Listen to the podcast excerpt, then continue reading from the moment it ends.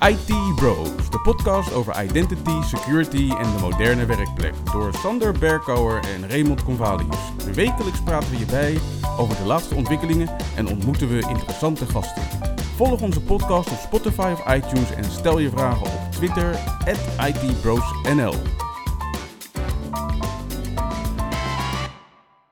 Ik ben Raymond Convalius. En mijn naam is Sander Berkouwer.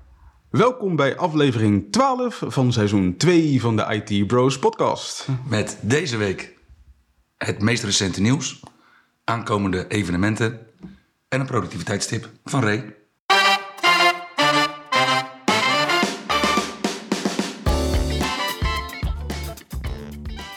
Het was een, eh, een week met een hoop gebeurtenissen. Kan je wel stellen, ja, het nieuws eh, tuimelde over elkaar heen, kan je bijna zeggen. Ja, laten we eerst eens beginnen met, eh, met iets wat waarschijnlijk bijna iedereen heeft eh, kunnen merken. Er was namelijk afgelopen maandagavond, 21 maart, een grote storing bij Apple. Ja, dat was eh, best uitzonderlijk. Lang geleden dat ze bij Apple last hebben gehad van een ja, toch wel stevige outage. Ja, als je kijkt wat er allemaal uitlag, dan was dat naast de App Store en de iTunes Store, waardoor je natuurlijk geen nieuwe apps kon, kon downloaden of vertalen. Ook Apple Business Manager voor alle, dan komt hier Arjan, alle Microsoft Endpoint Management beheerders onder ons, dus de luisteraars. Apple Pay, Apple TV Plus, Apple Maps, ook Find My. Pijnlijk. Ja, ook iCloud Calendar, Contacts, iCloud Drive, de keychain. Ook iMessage. En misschien nog wel meest verontrustend, Apple Podcasts. Dus wij waren ook even niet te beluisteren. Ja, maar het grappige is dus, als je gaat kijken naar welke diensten er dan wel beschikbaar zijn, dan zie je dat de diensten, als we het hebben bijvoorbeeld over een outage bij Microsoft, dan zijn dat juist die diensten waar we het dan over hebben. Dan hebben we het over Azure AD en niet kunnen aanmelden of niet multifactor authentication kunnen doen. Maar bij deze outage was Apple ID was gewoon beschikbaar. FaceTime werkte gewoon, HomeKit werkte gewoon. Weet je, als er aangebeld werd, ging nog steeds gewoon het licht aan. De iCloud Backup werkte, de Mac App Store werkte gewoon. Mac OS software upgrades kon je ook gewoon uitvoeren. Siri werkte, de walkie-talkie. Je kon zelfs zien wat het weer zou worden. Toch wel bijzonder. Eh, waar hebben ze dan de knip gelegd bij Apple? Nou ja, wat ik denk dat je dus hier ziet, is dat het echt een platformfout was. Dus waar je eh, voor diensten waar je heel veel bijvoorbeeld storage nodig hebt, dan zie je dat dat eh, diensten zijn die in dit geval dus eruit lagen. En dat als je diensten hebt die vooral CPU-intensief zijn, en dus ook minder, of dus relatief minder caching gebruiken, zoals bijvoorbeeld Apple ID, dat die het dan nog wel doen. Dus ik denk dat dit echt wel een platformfout was. Maar de perceptie tussen dienstverlening van Apple, dienstverlening van AWS eh, en Azure, ehm, en bijvoorbeeld de dienstverlening vanuit Cloudflare, wordt gewoon anders beleefd. Dat is wat mij in ieder geval bijblijft uit deze storing. Ja, is, is, is Apple nu ook duidelijk geweest over wat er nou precies aan de hand is geweest? Nee, nog niet. Maar ze hebben wel aangegeven van op het moment dat zij ook inderdaad de vinger erachter hebben, dan, eh, dan gaan ze dat delen. Oké, dus eh, more news is there to come. Ja, ik heb ingezet op DNS. Goeie kans dat het eh, DNS was. hè. Ja, Tja. En als je dan toch had over eh, ja, een nieuwsrijke week. Dominant deze week in het nieuws was toch wel Lapsus Dollar, om maar even zo te zeggen. En Lapsus Dollar is een hackinggroep. ja. En eh, geen ransomware groep, want ze doen niet echt aan ransomware. Nee, en ik denk ook dat dat wel het echte nieuwe is aan dit nieuws. Als je gaat kijken naar statelijke actoren. Dus inderdaad eh, de, de Noord-Korea's, de, de Russen, de Oekraïners, zeg maar. Die juist doelen van onvriendelijke landen aanvallen. Dan is dat vooral om zo lang mogelijk daar binnen te zijn. Om zoveel mogelijk informatie te kunnen vergaren. Als je gaat kijken naar de, in ieder geval de bekendere ransomware-benders. Die hebben ook een heel andere manier van, van opereren eigenlijk. Ja. Die zeggen van, ja, weet je, eigenlijk zijn we zo snel mogelijk op zoek naar een Uber-beheerder. Waarmee we bijvoorbeeld met group policy onze malware op alle werkplekken in één klap kunnen duwen. Is ook een heel andere aanpak. Maar Lapsus, Lapsus is iets waar ik eigenlijk al met heel veel van mijn klanten de laatste tijd over praat. Het enige wat Lapsus nodig heeft, is gewoon één account. Of dat nou een account is met beheerprivileges of niet, maakt eigenlijk niet uit.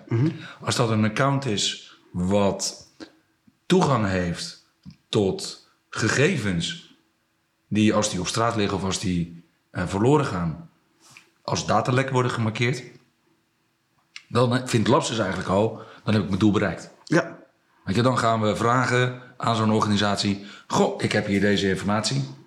Het zou toch wel heel erg vervelend zijn als dat publiek wordt gemaakt. Vind je ook niet? Ja. Ja, alleen wat je dus ziet is dat, nou ja, goed, eh, ik vond het ook wel grappig dat ze werden in een van de artikelen die ik las, volgens mij was het bij Microsoft zelf, noemden ze Lapsus een extortion group. Ja.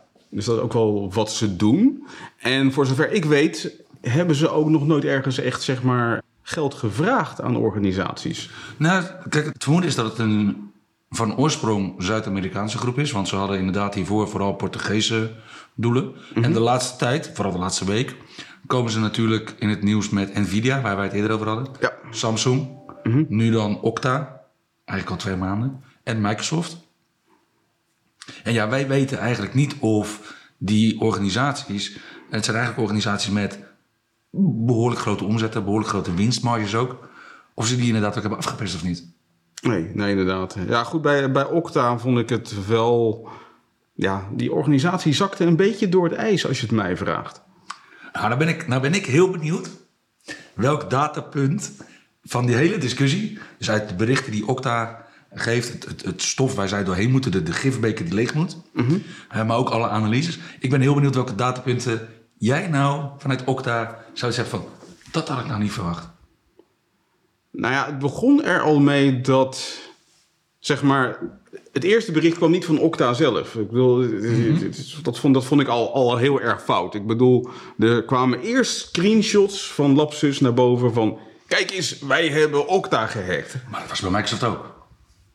Oké, maar Ja, maar Microsoft heeft daar al heel anders op gereageerd dan Okta. Ja, want bij Okta probeerde men het gelijk te downplayen. Van ja, er is wel de hack geweest, maar er was niks aan de hand. Dat het gelijk onder controle. eh, geen paniek. Ja, en bij Microsoft was het gelijk van... Ja, we hadden dit inderdaad ook al in onderzoek. Eh, we hebben dat onderzoek uitgebreid toen we dit zagen. En eh, we hebben meerdere maatregelen genomen. En we hebben onderzocht of er gegevens van klanten buiten zijn gemaakt. En dat is niet het geval. En broncode, ja, weet je, het is niet handig dat iemand anders ook die broncode heeft. Maar onze informatiebeveiliging eh, in onze producten is niet afhankelijk van de broncode. Nee, maar bij, wat, wat dan, dan weer opviel bij, bij Okta is dus aan de ene kant, ze gingen het eerst downplayen. Om even later daar toch weer wel op terug te komen. Zo van, Werkt toch niet, hè? Nee. er was toch iets meer aan de hand dan dat we aanvankelijk wilden toegeven. Ja. En uiteindelijk is men wel gekomen met een soort van timeline van hoe een en ander zich heeft ontwikkeld. Waarbij het er dus mee begon dat, ze, dat er ja, Lapsus blijkbaar vijf kwartier toegang heeft gehad tot een systeem.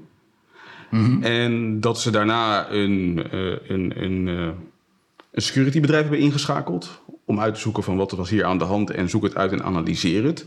En daar, zijn, daar, is, daar is dat bedrijf een aantal weken mee zoet geweest. Volgens mij een week of vier, vijf. Ja. Toen kwam daar een rapport. En dat rapport is toen nog ergens een week blijven liggen. En kwam uiteindelijk, geloof ik, vijf dagen voordat dit allemaal naar buiten kwam, kwam het bij Okta te liggen. Ja. En het lijkt erop dat ze bij Okta nog niet aan toe waren gekomen om het te lezen. En dat ze daarom die eerste reactie gaven zonder te weten waar ze het over hadden.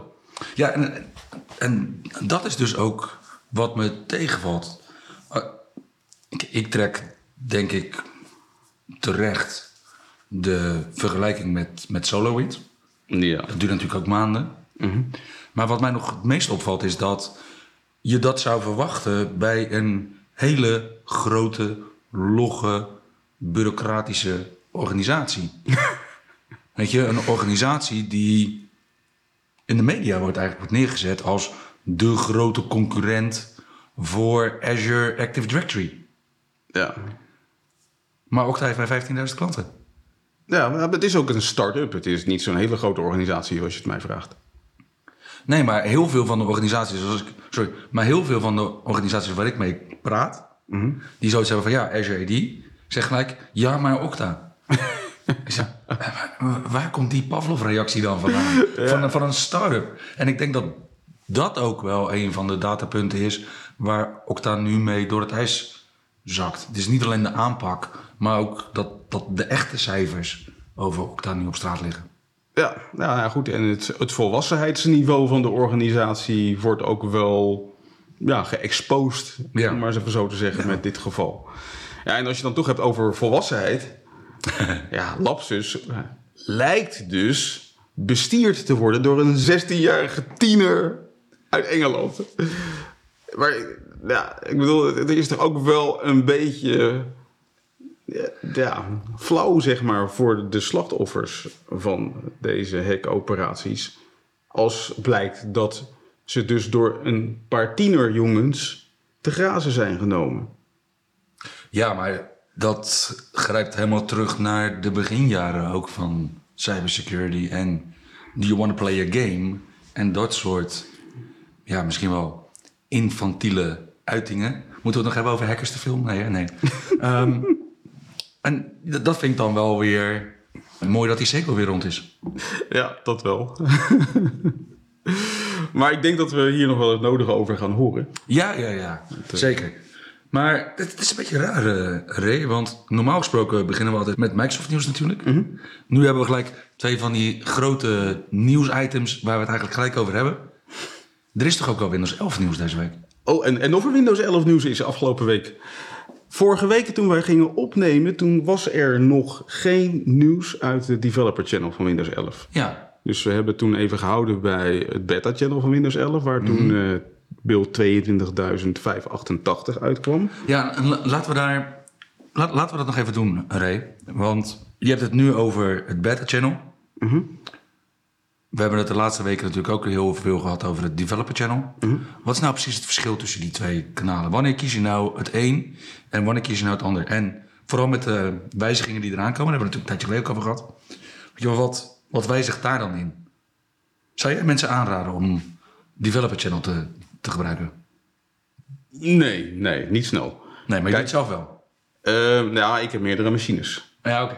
En, en één van mijn machines draait inderdaad in een developer channel. Het developer channel is dat kanaal waarin je als eerste de nieuwe dingen krijgt.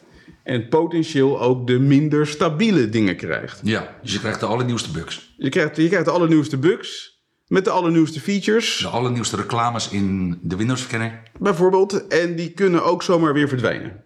En in de Developer Channel heb je eigenlijk elke week zo'n beetje een nieuwe beeld. Precies, iedere Je bent- week. Je bent in ieder geval, weet je, als dat je doel is, je bent in ieder geval elke week aan het herstarten. Ja, en je bent iedere week op de hoogte van waar Microsoft mee bezig is.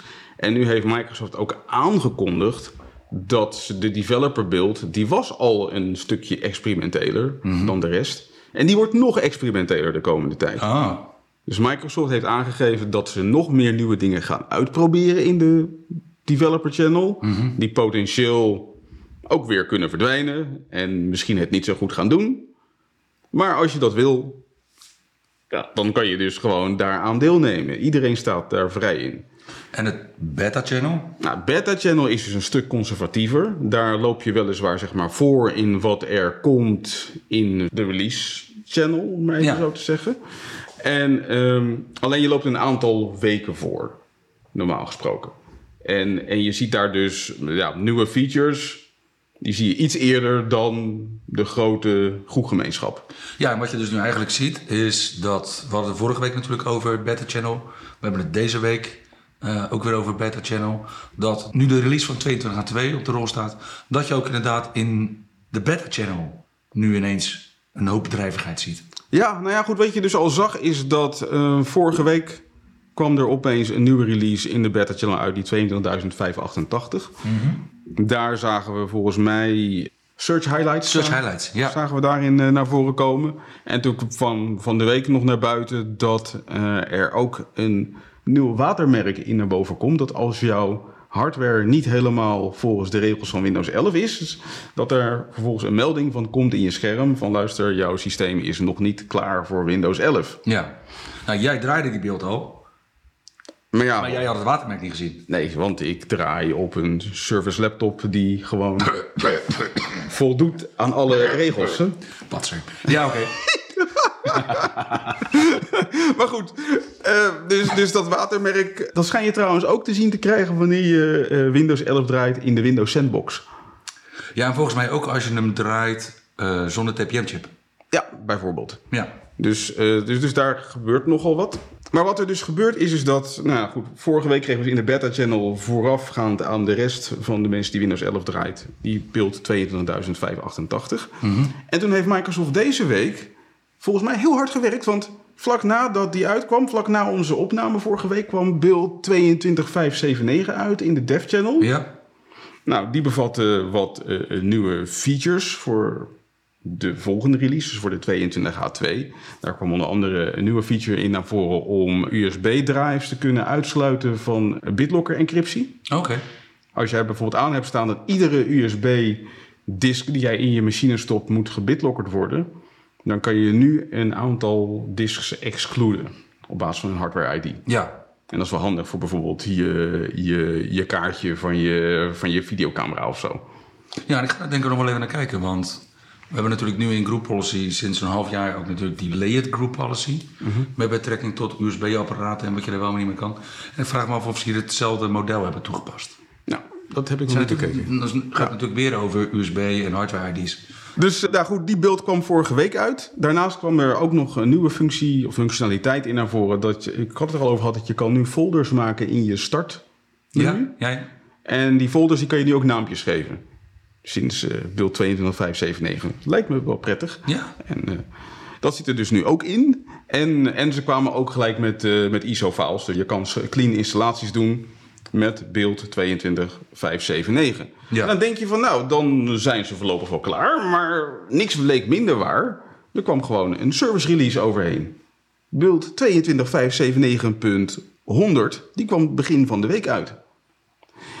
En daar zat verder geen nieuwe functionaliteit in. Het was blijkbaar een soort van experiment kijken of Ja. de service release goed gaat. Ja, of ze inderdaad updates kunnen draaien op die beelds. Ja.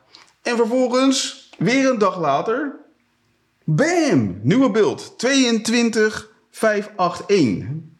Alright. En beeld 22581 bleek wel echt een milestone release te zijn.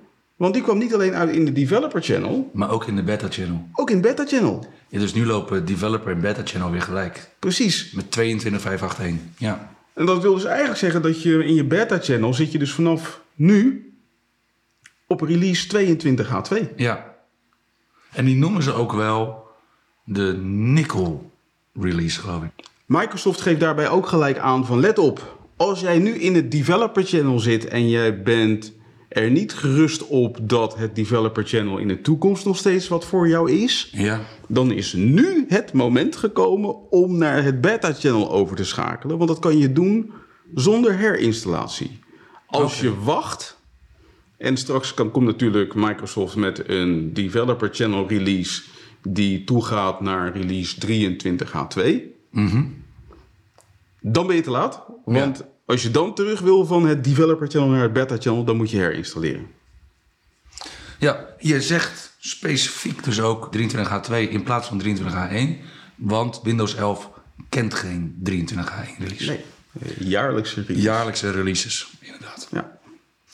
En Ryan, wat was er dan precies, naast dat het dus nu de developer en beta channels bij elkaar komen, waren er ook nog nieuwe features in die 22581? Eentje volgens mij. Hè?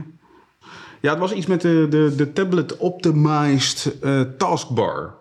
Dus ehm, je krijgt zeg maar, als jij eh, Windows 11 draait op een tablet, dan kan die taakbalk zeg maar soort van bijna verdwijnen en alleen nog de meest essentiële icoontjes laten zien. Dat zijn meestal die paar icoontjes die Ja. zeg maar recht, rechts in je taakbalk zitten, die dan nog zichtbaar zijn.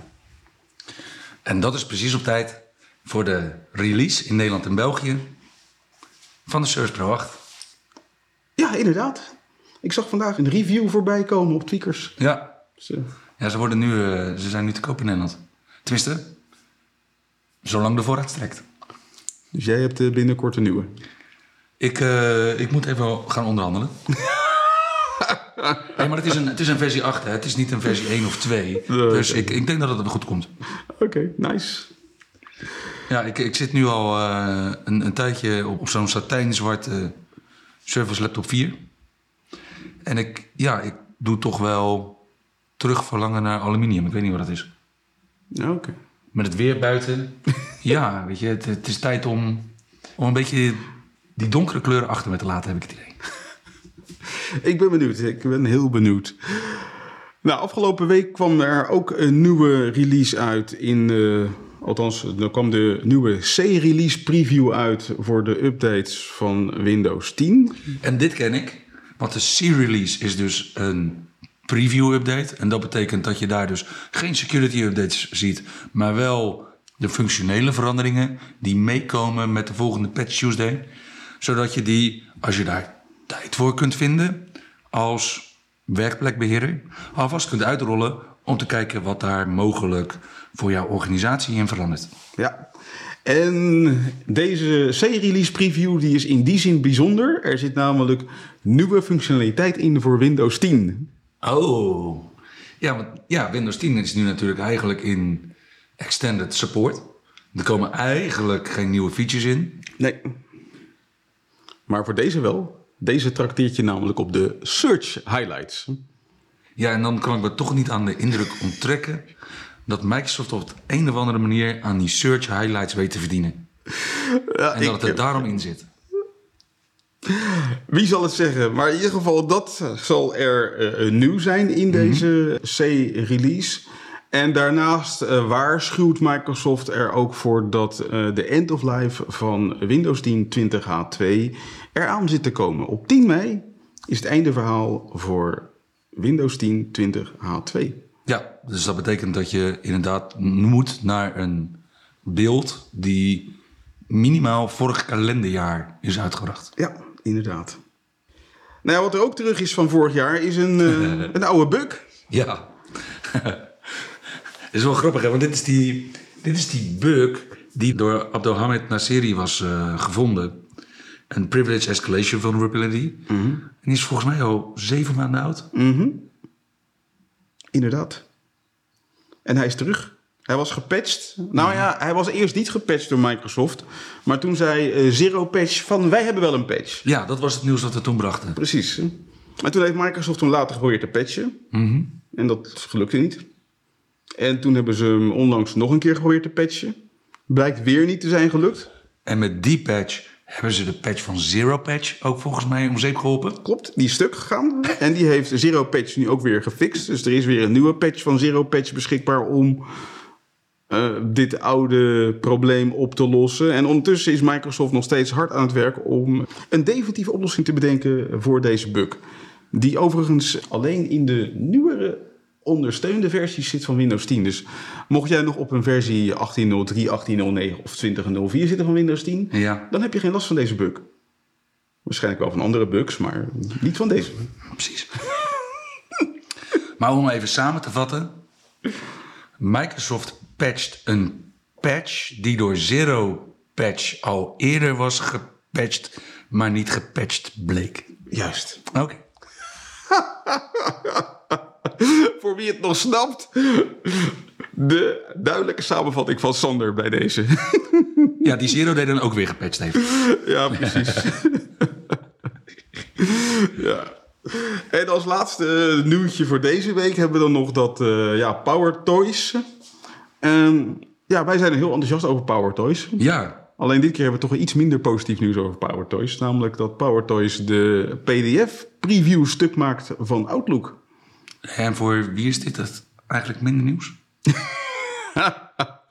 voor de mensen die gebruik maken van de PDF-preview in Outlook. Ik gebruik hem zelf eigenlijk nooit. Nee, nee ik, ik probeer altijd zo min mogelijk tijd door te brengen in Outlook. Ik weet dat er mensen zijn die echt een hele werkdag doorbrengen in Outlook. Ik heb altijd zoveel meer lol in, in PowerPoint bijvoorbeeld. Ja. Visio. Klopt. Nou ja, mm, er valt vaak niet aan te ontkomen. En alleen de PDF-preview bij mij vraagt hij altijd van uh, of ik hem wel wil gebruiken en dan ben ik al klaar eigenlijk. Ja, ja dan heb ik ook zoiets van, weet je dat ik uh, open het wel in Edge. Precies.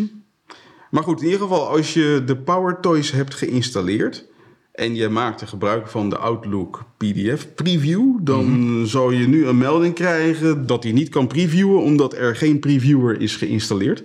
Ja. Terwijl die er wel is. En dat wordt veroorzaakt omdat er een PDF preview functie in de PowerToys zit voor de File Explorer. En die is default enabled.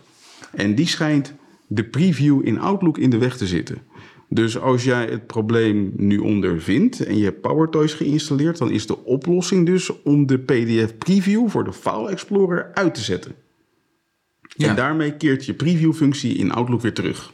En welke impact heeft dat nou voor de, de PDF-Neandertaler onder ons? dus de mensen die nog steeds eh, Adobe Reader bijvoorbeeld gebruiken. Nou ja, die Adobe Reader, die, die, die, ik weet eigenlijk niet zeker of die ook dezelfde impact ondervindt. Maar je kan daar ook problemen mee ondervinden als je bijvoorbeeld Office hebt geïnstalleerd met een andere bitness dan Adobe Reader. Dus stel dat je Office 64 bits installeert, wat tegenwoordig bijna standaard is. Ja, ja. Als jij die PDF Neandertaler bent die dat nog op een eh, 32 bits versie installeert naast je 64 bits Office, dan is het ook stuk. Want dan moet je dus de 64 bits PDF reader installeren naast de 64 bits Office of de 32 bits Office Ja. de 32 bits PDF reader. En of PowerToys ook die reader stuk maakt, weet ik eigenlijk niet. Zou zomaar kunnen. Nou, Ik vermoed van wel eigenlijk. misschien dat een van onze luisteraars ons kan helpen. Wie weet. Ja, Adobe Reader komt er in ieder geval niet meer op. Nee.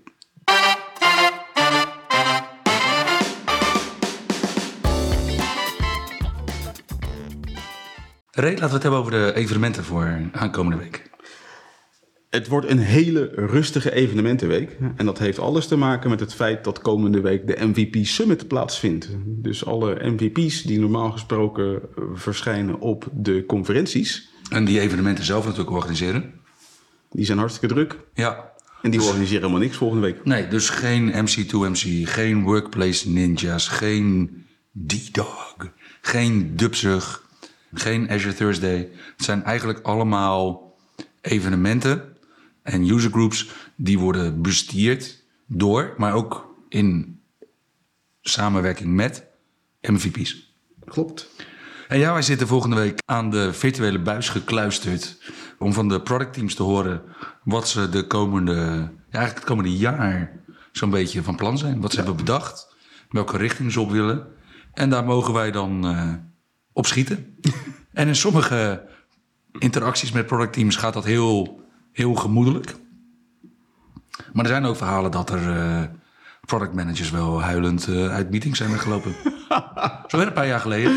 Maar ik kan me die verhalen wel herinneren. Ja. Ja, ja, ja, ja, shit happens. eh. maar goed, ik wil niet zeggen dat er volgende week helemaal niks gebeurt. Eh, Microsoft zelf organiseert nog wel zijn eigen Spring 2022 Security Webinars. Dus op eh, dinsdag 29 maart van 5 tot 6 is het weer tijd voor een sessie over Microsoft Sentinel. En deze keer is de titel Use Watchlist to Manage Alerts, Reduce Alerts Fatigue en Improve SOC Efficiency. En als je dan daar nog niet genoeg van hebt gehad, dan kan je op donderdag 31 maart opnieuw aansluiten. Ook weer van 5 tot 6 bij de Spring 2022 Security Webinars.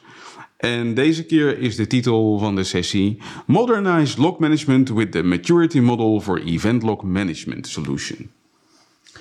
31 maart vindt ook de Dutch IT Security Day plaats. Dutch IT Channel organiseert dit evenement samen met nou, een hele lijst met partners, waaronder Varonis, Cohesity, Palo Alto, WatchGuard, Pinewood, Sentinel One en Arrow. En er zijn een hele hoop interactieve momenten waarin je samen met andere IT-beslissers en IT-dienstverleners kunt sparren over waar informatiebeveiliging in Nederland staat en waar het naartoe gaat. Dus zo is er bijvoorbeeld een paneldiscussie over de waardeketen van cybersecurity. Dus natuurlijk eh, gaat het over ook bijvoorbeeld vrouwen in cybersecurity en de waarde van diversiteit die daarmee kan worden bedacht. En als afsluiter zien we Jochem Nooyen, een goochelaar.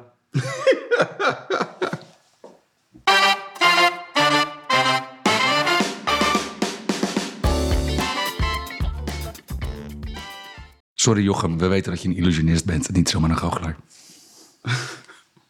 Daarmee komen we bij de productiviteitstip voor deze week. Ja, en je liet het me vandaag zien. En ik had zoiets van... Ja, dit ga ik vanaf vandaag ook gewoon vol continu gebruiken. Ik wist niet eens dat het erin zat. Ik eerlijk gezegd ook niet. Ik weet ook niet sinds welke versie van Edge dit, dit beschikbaar is. Laat ik even de luisteraars updaten. Ja, De productiviteitstip van deze week betreft een toetscombinatie die betrekking heeft inderdaad op Microsoft Edge. En die ervoor zorgt dat je kan zoeken naar je openstaande tabbladen. ja, naar de titels van openstaande tabbladen. En maar ook je onlangs gesloten tabbladen.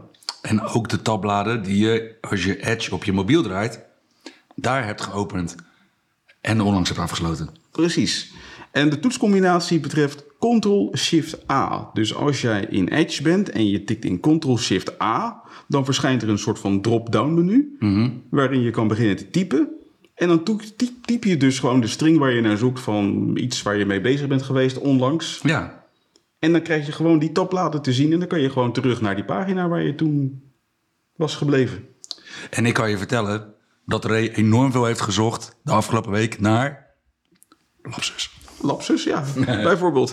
Maar ja, nee, het, het, blijkt gewoon bijzonder handig. Ik kende de functie zelf ook niet. Nee, Maar eh, vanaf nu is het een van mijn eh, favoriete toetscombinaties voor in eh, Edge. zeker. Ja. ja, ik heb het wel vaker. Dat ik inderdaad met iets bezig was. Dat ik bezig ben met...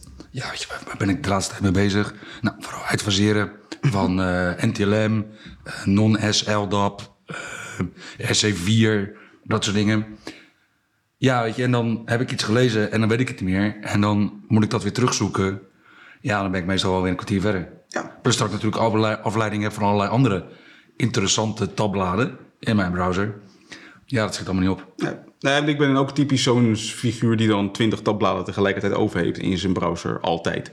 Ja, maar dat maakt ook helemaal niet uit of je zo'n persoon bent of niet. Je, we houden nog steeds van je, Ray. Want als je ook je onlangs afgesloten tabbladen hebt, dan maakt het helemaal niet uit hoeveel tabbladen je open hebt. Precies. Daarmee komen we aan het einde van aflevering 12 van seizoen 2 van de IT Bros podcast. Dankjewel voor het luisteren. En tot de volgende keer. Tot de volgende keer. Je luisterde naar IT Bros, de wekelijkse podcast over identity, security en de moderne werkplek.